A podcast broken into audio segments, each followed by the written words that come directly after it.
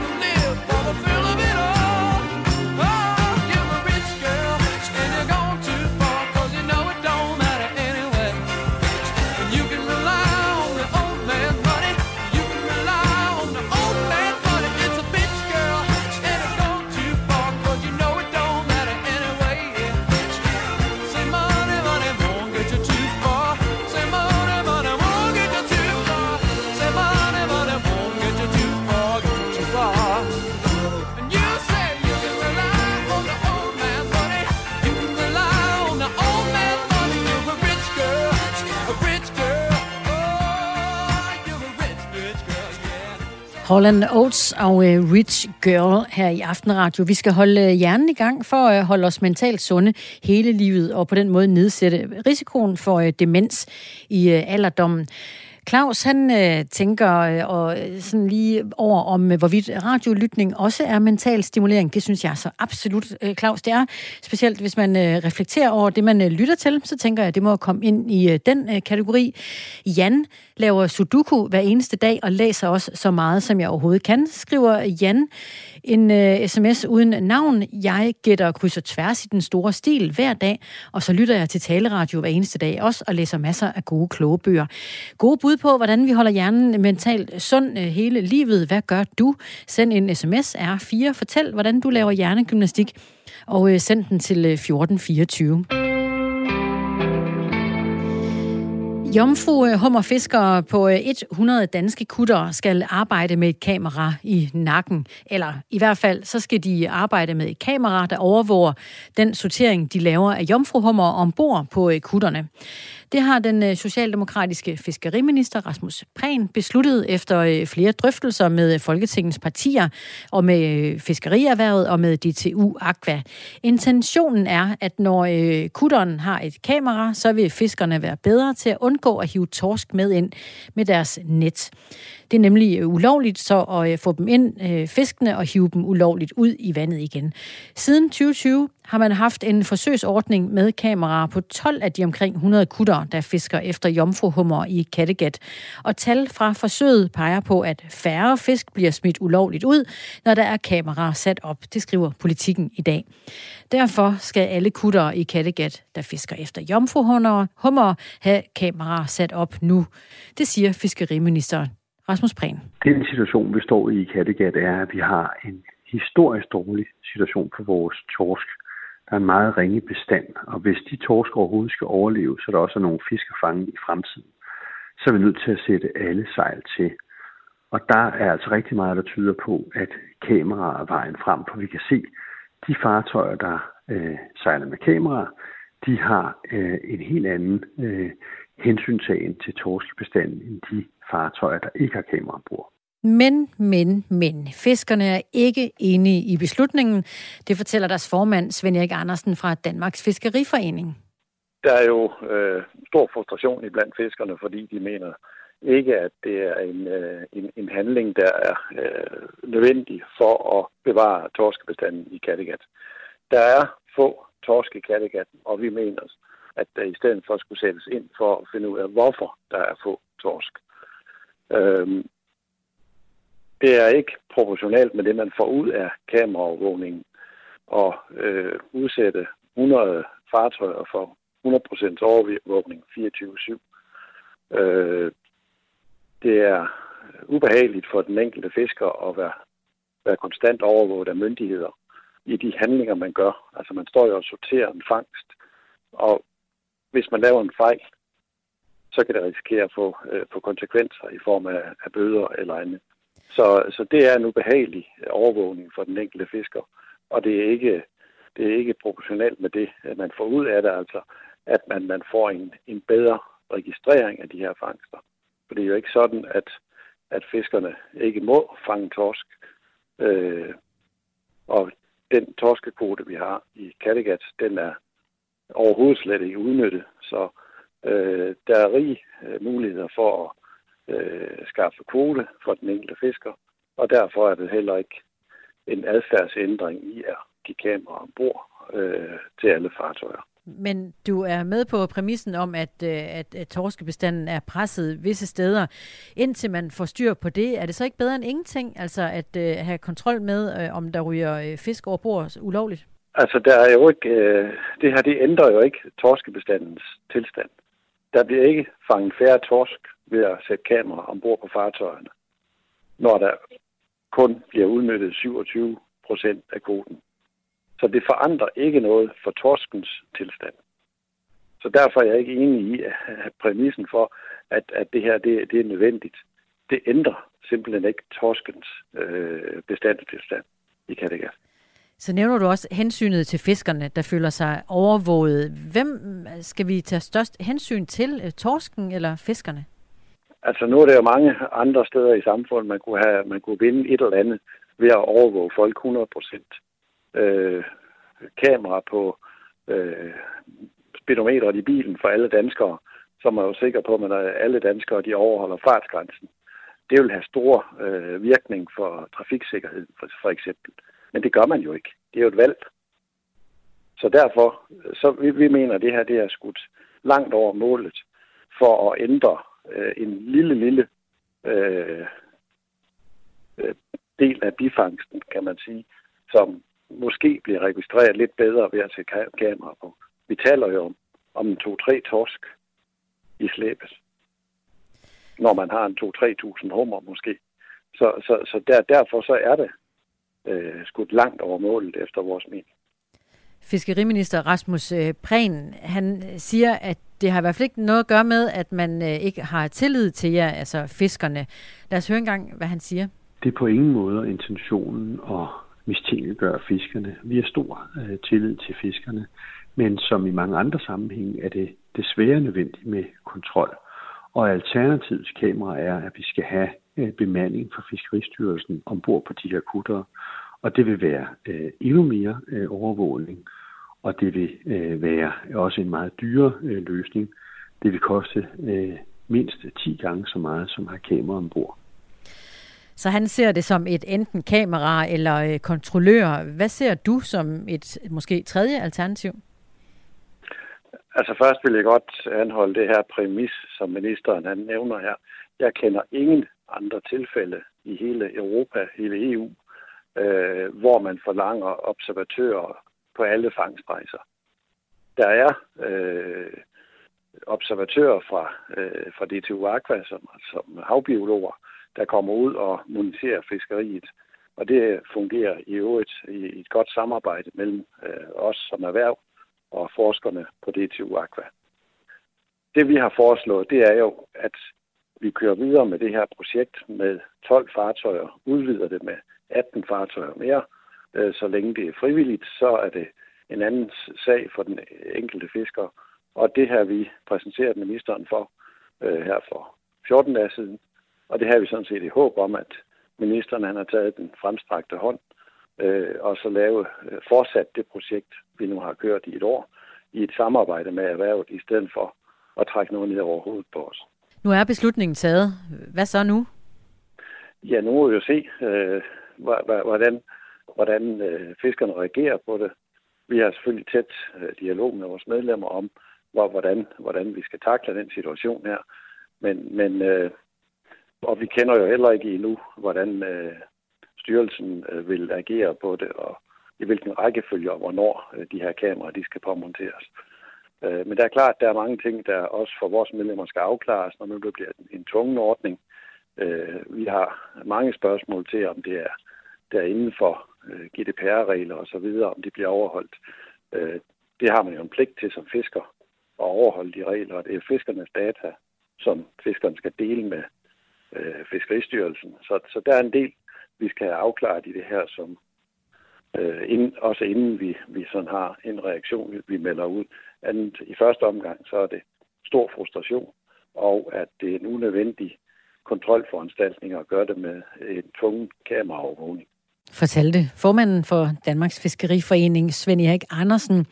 Ifølge øh, politikken, der har øh, fuldt sagen og øh, den forsøgsordning med kamera på 12 af de omkring 100 kutter, der fisker efter jomfruhummer i øh, Kattegat, der, der viser det sig, at 65 procent af alle de torsk, der kom op med øh, det trål, som øh, fiskerne bruger til jomfruhummerne, de bliver smidt over bord igen. Ifølge forskerne, der dør de fleste torsk af at komme ombord på en øh, kutter. Drew Sigamore i Aftenradioen med Take It Back. You should take it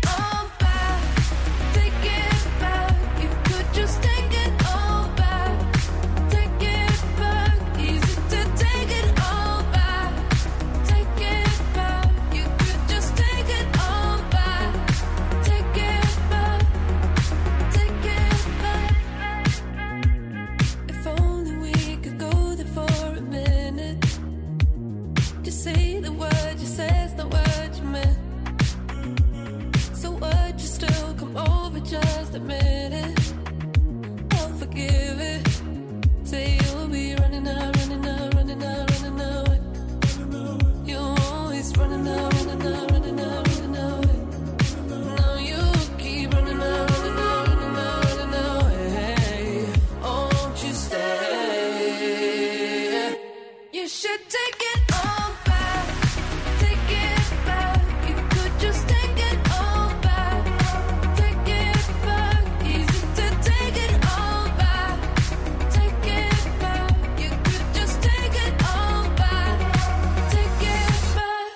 just a minute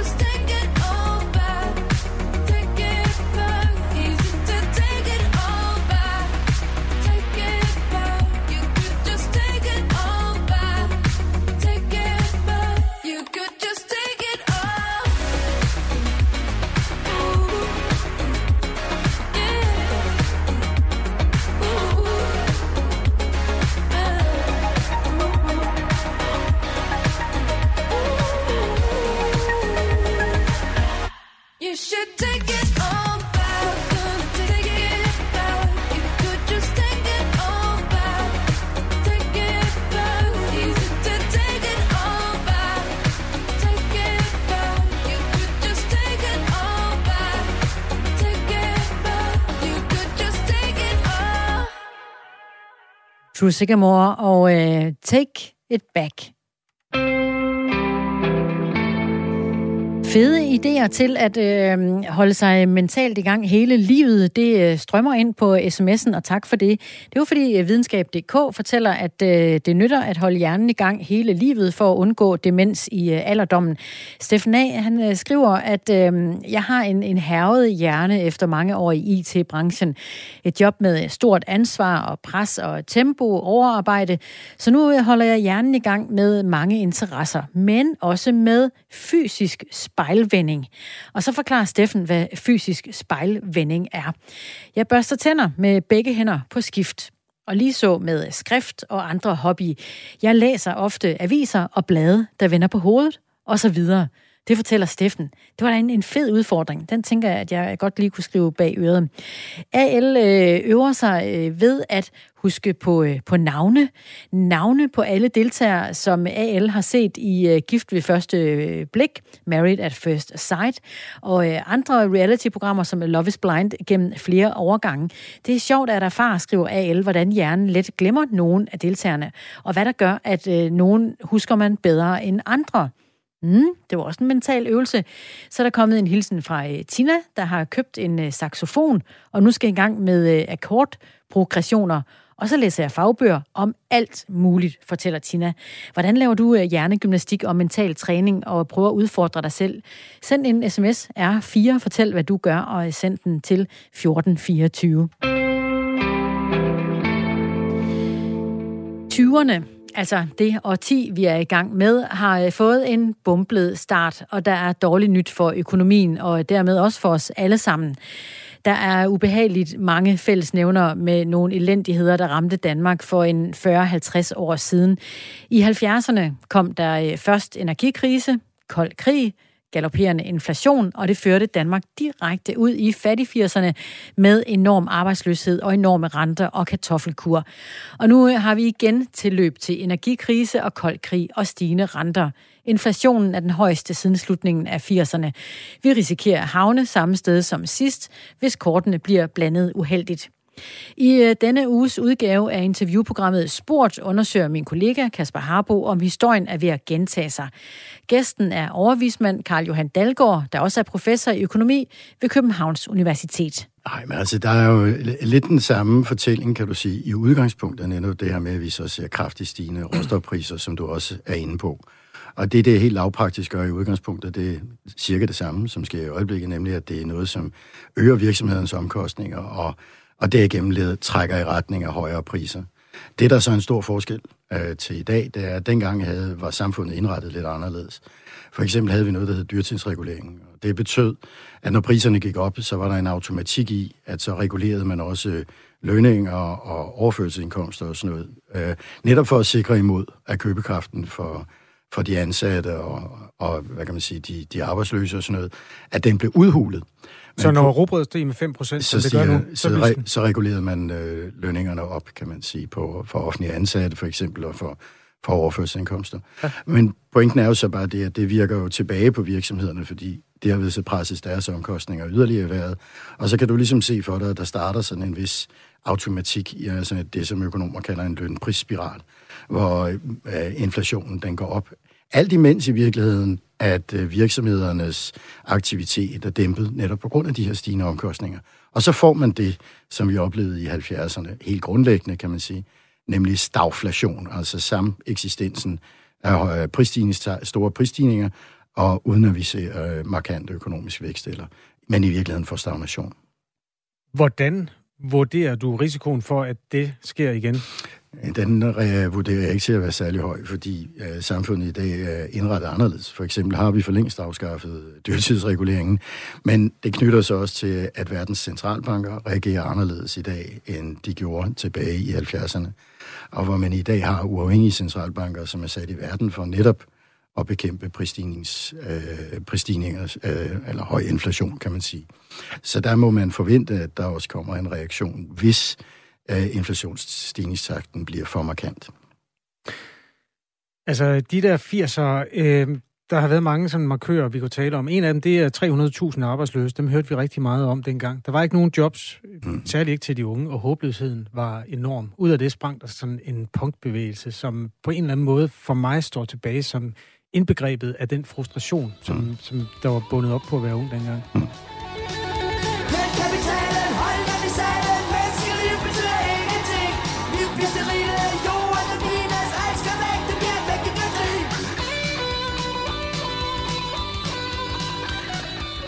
Når jeg skal forklare folk, altså jeg er fra 1971, mm.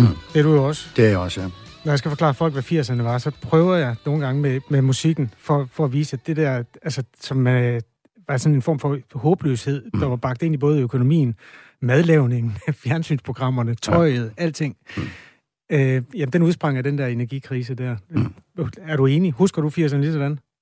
Det blev omtalt som fattig 80'erne, og det var en periode, hvor, som jo også karakteriserede af det, man i gamle dage kaldte slumstormer, altså besættere, øh, hvor øh, unge mennesker besatte hus og sådan noget der, ikke? for at finde sted at bo og sådan noget. Så det var en, en, en tid, som også i samtiden var ikke særlig behagelig for, for unge mennesker.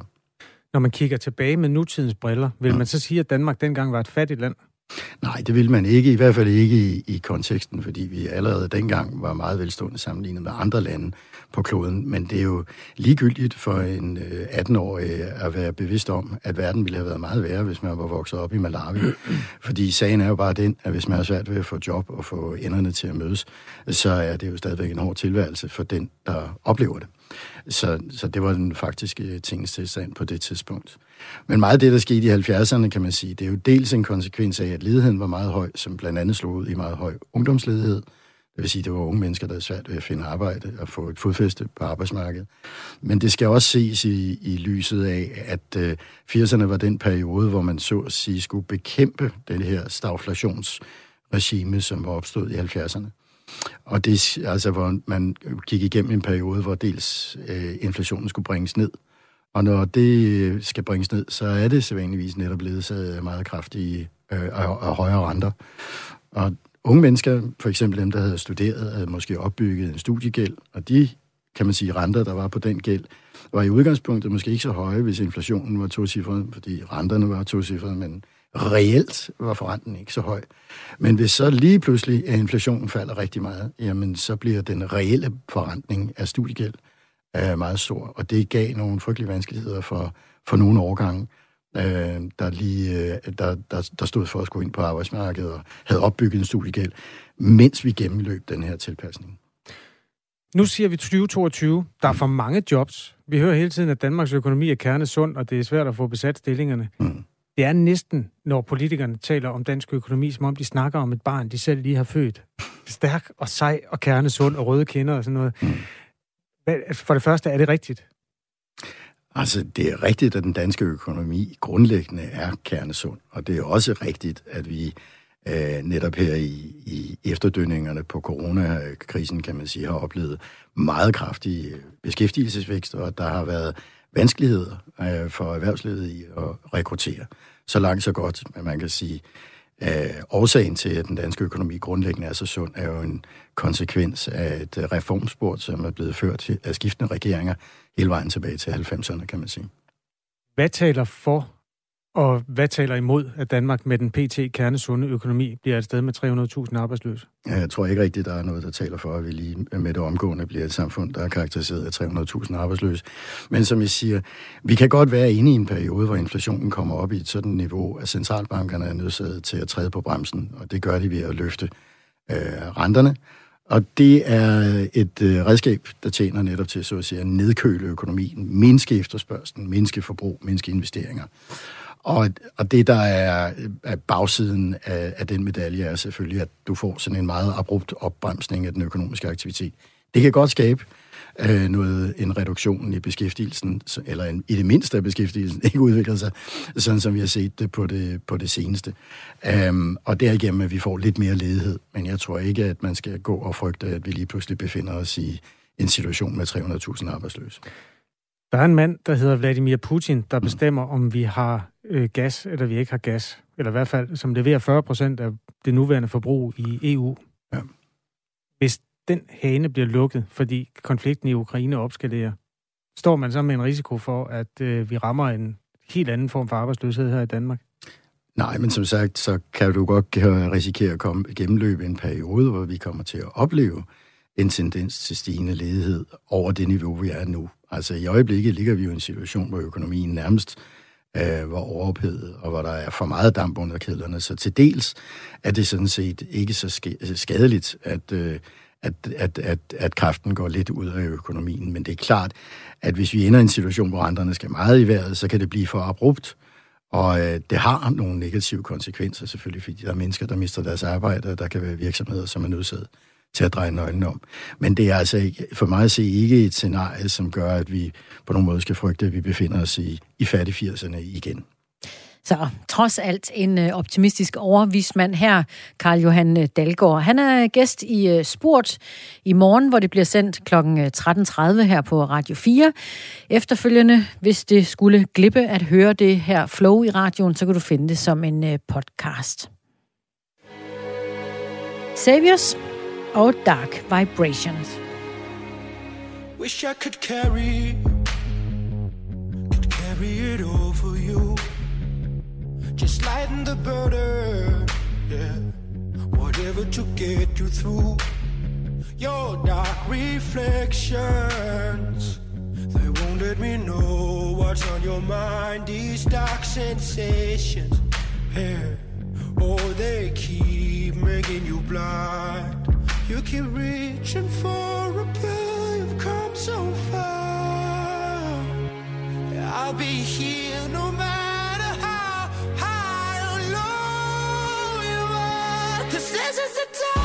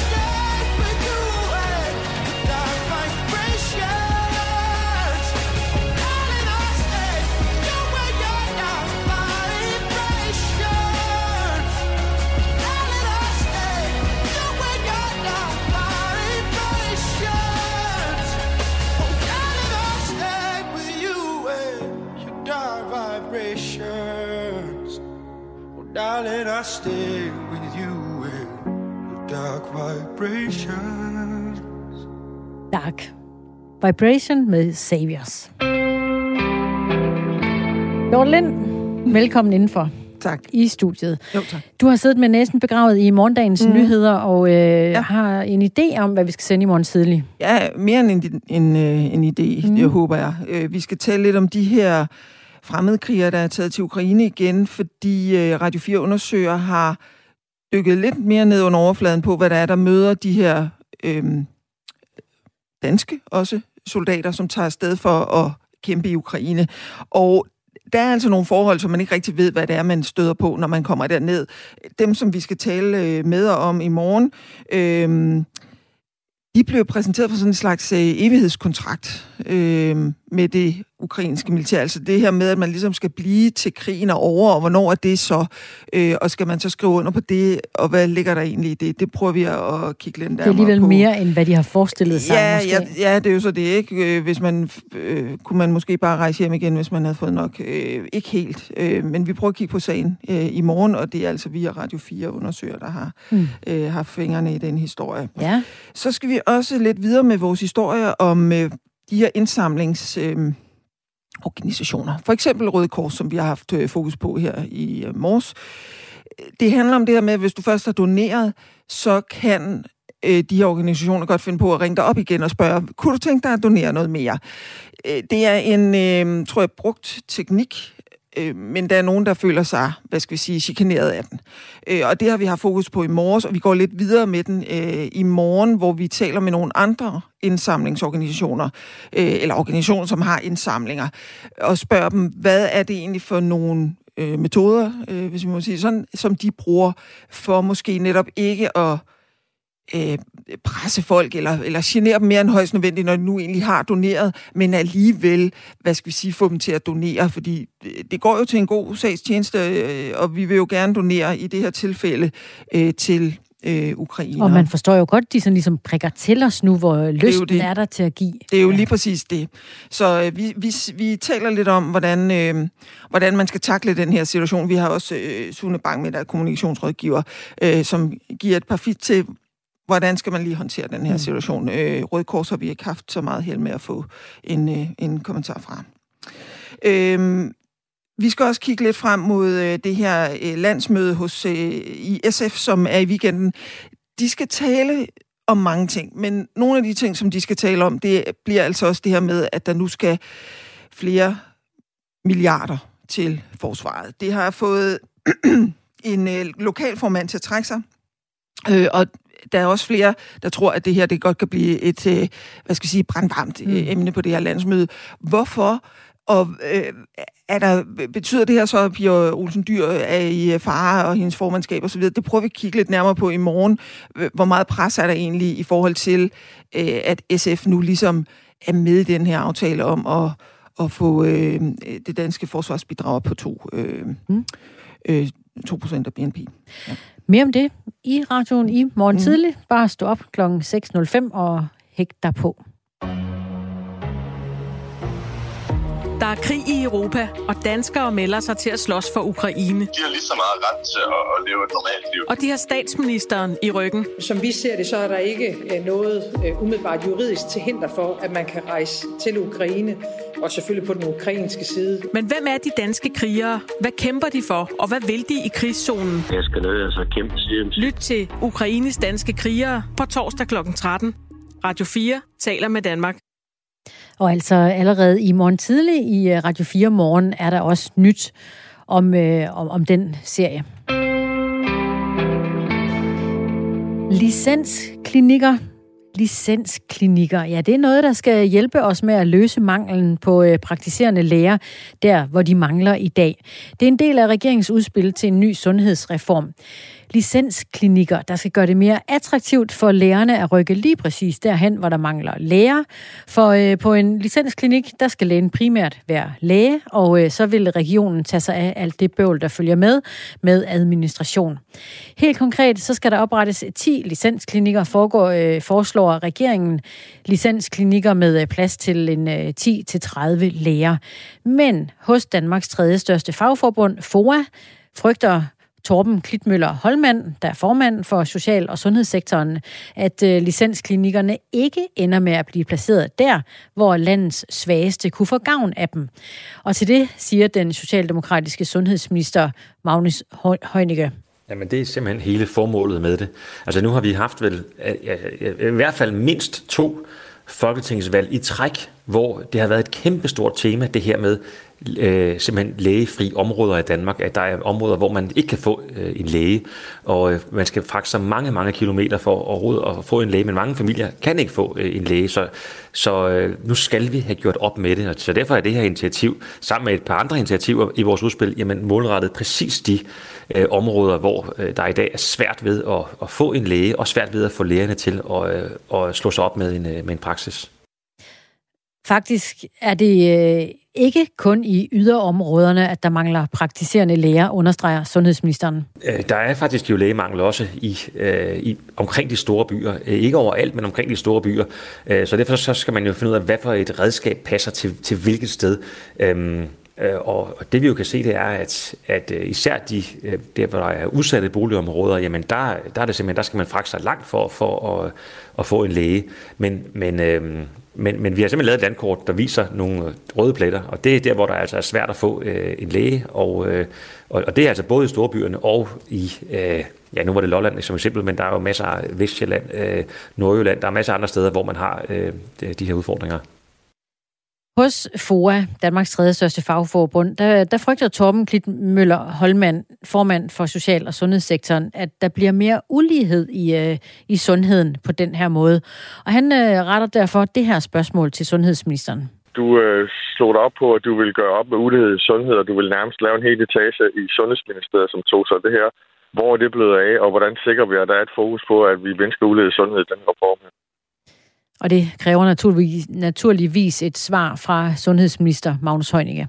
Jamen det er rigtigt. Det er faktisk, han har ret i, at det, det er en hjertesag for mig. Og det er også rigtigt, at vi har lavet en etage i Sundhedsministeriet, som, hvor mennesker, der kun arbejder med det her, de har bidraget øh, meget substantielt til den her, øh, det her udspil med en sundhedsreform. Noget af det er jo øh, den her stærke fokus på forebyggelse, for fordi vi ved, at, at, øh, at at, øh, at de her alkoholrelaterede og øh, rygerelaterede sygdomme, jamen der er en kæmpe social ulighed i det. Et andet tiltag, det er at hjælpe de ældre medicinske patienter, hvor vi bare ved, der er også der gemmer der sig en stor social ulighed, øh, når man bliver øh, øh, kastet frem og tilbage mellem øh, kommunen og regionen. Der er det simpelthen afhængigt af, hvad du har af ressourcer med hjemmefra. Øh, hvad du har af, af, af, af netværk, for at du kan, du kan komme igennem sådan, sådan nogle, øh, nogle sygdomsforløb, som vi ved, der er flere og flere af, flere, flere af, så sætter vi altså ind og styrker kvaliteten tættere på borgeren, og, og, øh, og styrker også muligheden for, at hjemmesygeplejen hjemme hos den enkelte, for eksempel ældre medicinske patient, kronikergrupper, nogle af de, vi ved, der er en stor ulighed inde i det her, nede under de her kronikergrupper. Det er præcis der, vi, vi sætter ind her. Men alligevel, 10 licensklinikker fordelt øh, rundt over hele landet, risikerer vi så måske på den måde, at vi smører ressourcerne for tyndt ud? Nej, det gør det ikke, for det, det har vi jo øh, prioriteret flere midler til.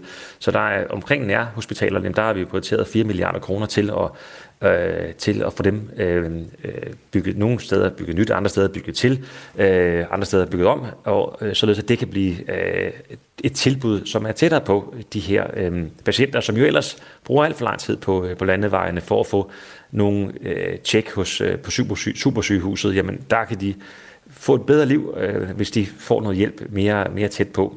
Så, så, øh, så det, der er nye initiativer, det har vi så også øh, mm. ekstra finansiering til fortalte her Magnus Heunicke, socialdemokratisk sundhedsminister, som var med i Radio 4 morgen her til morgen. Og her har vi Elton John med i Aftenradioen med øh, Your Song. Sådan en øh, dejlig onsdag aften. It's a little bit funny This feeling inside I'm not one of those who can easily hide Don't have much money, but boy, if I did, I'd buy a big house where we both could live. If I was a sculptor, but then again, no, or a man who makes potions in a uh, traveling show.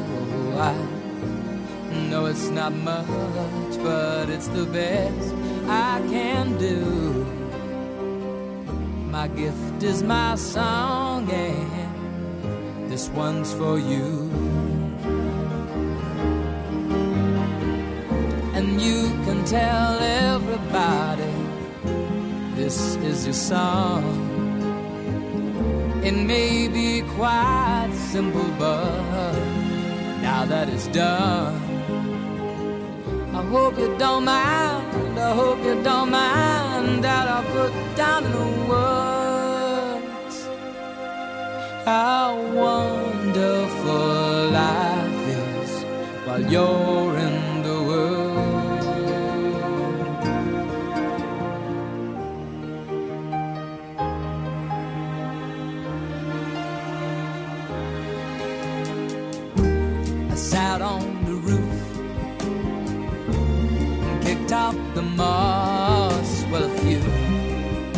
of the verses, well, they've got me quite cross. But the sun's been quite kind while I wrote this song. It's for people like you that keep it turned on. So excuse me for getting, but these things I do. See, I've forgotten if they're green or they're blue. Anyway, the thing is, what I really mean. Yours are the sweetest eyes I've ever seen.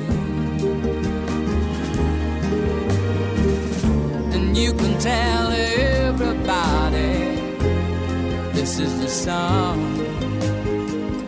It may be quite simple, but now that it's done, I hope you don't mind. I hope you don't mind that I put down in the words how wonderful life is while you're in the world. I hope you don't mind. I hope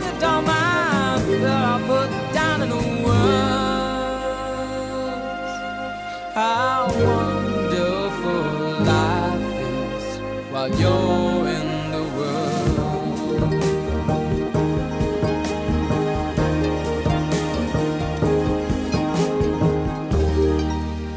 Elton John, Your Song.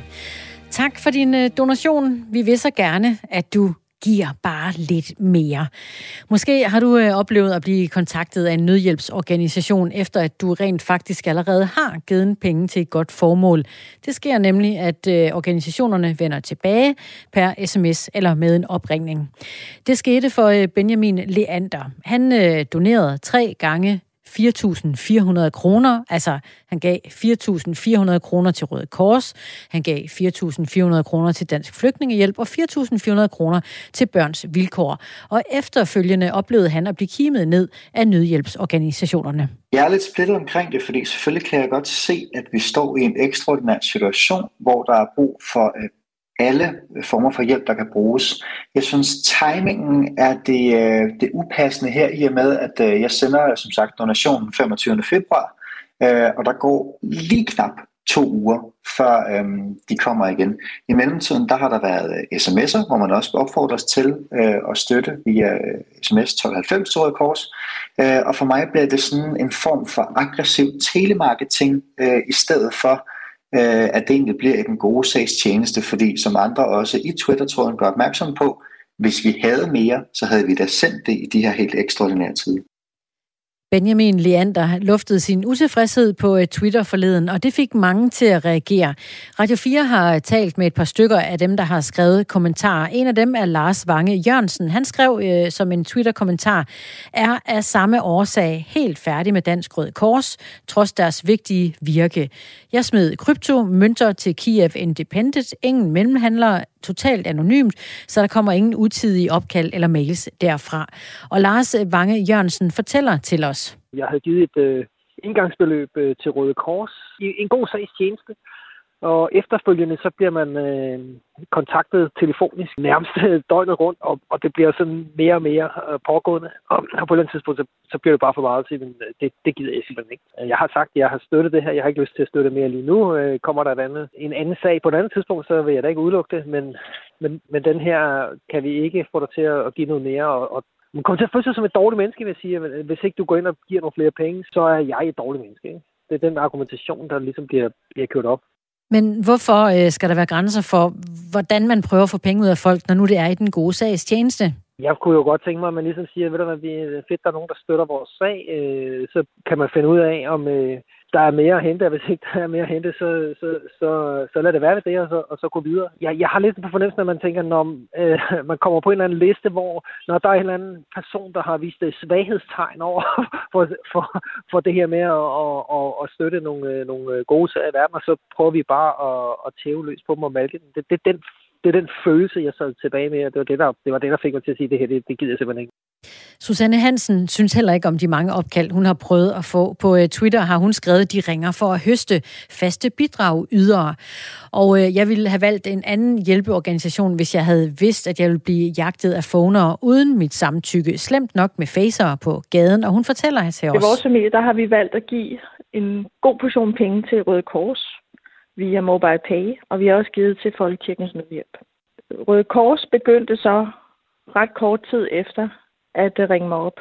Og jeg kunne se på numrene, at det ikke var nogen numre, jeg kendte, så jeg, jeg havde ikke tid til at snakke med dem. Men jeg kunne se, at de ringede til mig en, en 4-5 gange. Og så var jeg inde og kigge på deres hjemmeside og, og øh, fandt ud af, at formålet er at høste nogle faste givere. Og der er sådan set ikke noget galt i at forsøge at få nogle faste giver. Problemet er bare, at når jeg indbetaler de penge, så har jeg ikke øh, sagt ja til, i hvert fald ikke mig bekendt, sagt ja til, at jeg øh, gerne vil ringes op med henblik på at blive øh, fastgiver. Det er et indgangsbeløb, jeg havde tænkt mig at give, og, og der skulle den gerne blive liggende. Og for øh, Susanne Hansen, der havde henvendelserne den øh, direkte modsatte effekt end ønsket. Ja, det skal man jo overveje. Man skal jo overveje, om man skubber målgruppen væk. Jeg skal jo nok komme over, at der er nogen, der har ringet til mig og bedt mig om at blive fastgiver. Det, det gør jo ikke ondt. Men det betyder jo bare, at for at undgå det, så giver jeg til nogle andre, som også laver et godt stykke arbejde.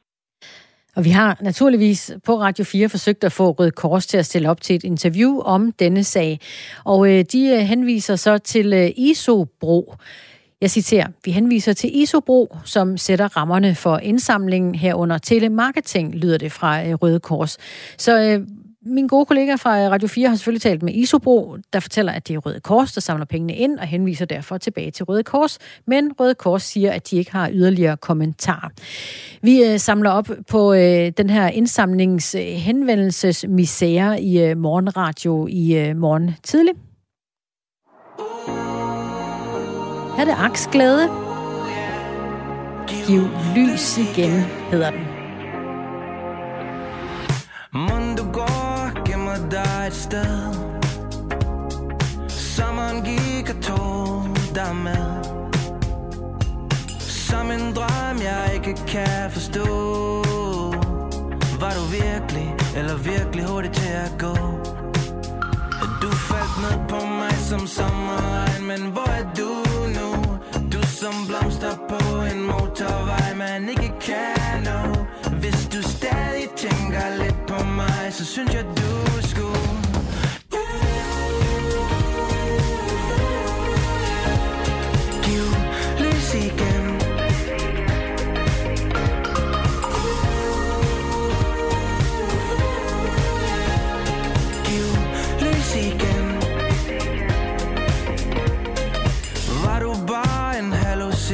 station.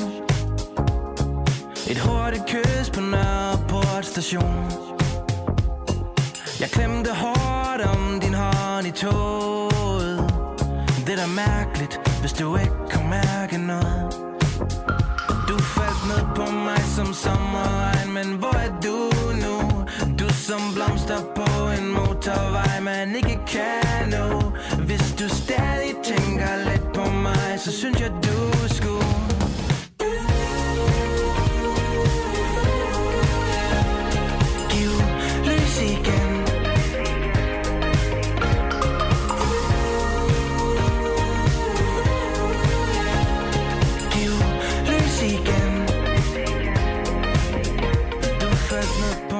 som sommerregn Men hvor er du nu? Du som blomster på en motorvej Man ikke kan nå. Hvis du stadig tænker lidt på mig Så synes jeg du skulle Give lys igen.